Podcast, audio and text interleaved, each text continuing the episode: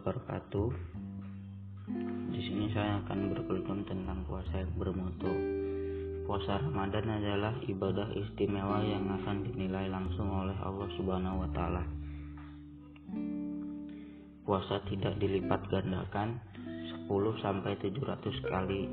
Pahala puasa tidak terbatas. Betapa banyak orang yang berpuasa tapi tidak mendapat apa-apa kecuali rasa lapar. Hadis An-Nasai dan Ibnu Majah. Cara agar puasa kita bermutu adalah ikhlas. Sesungguhnya seluruh amal tergantung pada niatnya dan sesungguhnya setiap orang akan mendapat apa yang ia niatkan. Hadis riwayat Bukhari dan Muslim. Yang kedua adalah meninggalkan hal-hal yang membatalkan puasa contohnya seperti makan disengaja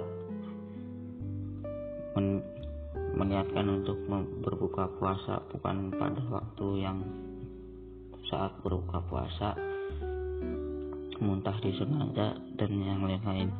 Meninggalkan hal-hal yang membuat puasa sia-sia. Yang keempat meninggalkan hal-hal yang tidak bermanfaat.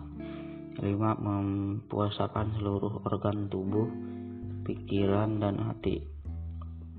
Yang keenam, memperbanyak amal soleh selama bulan Ramadan. Contohnya seperti beramal, berinfak, dan kegiatan yang lainnya. Sekian terima kasih. Assalamualaikum warahmatullahi wabarakatuh.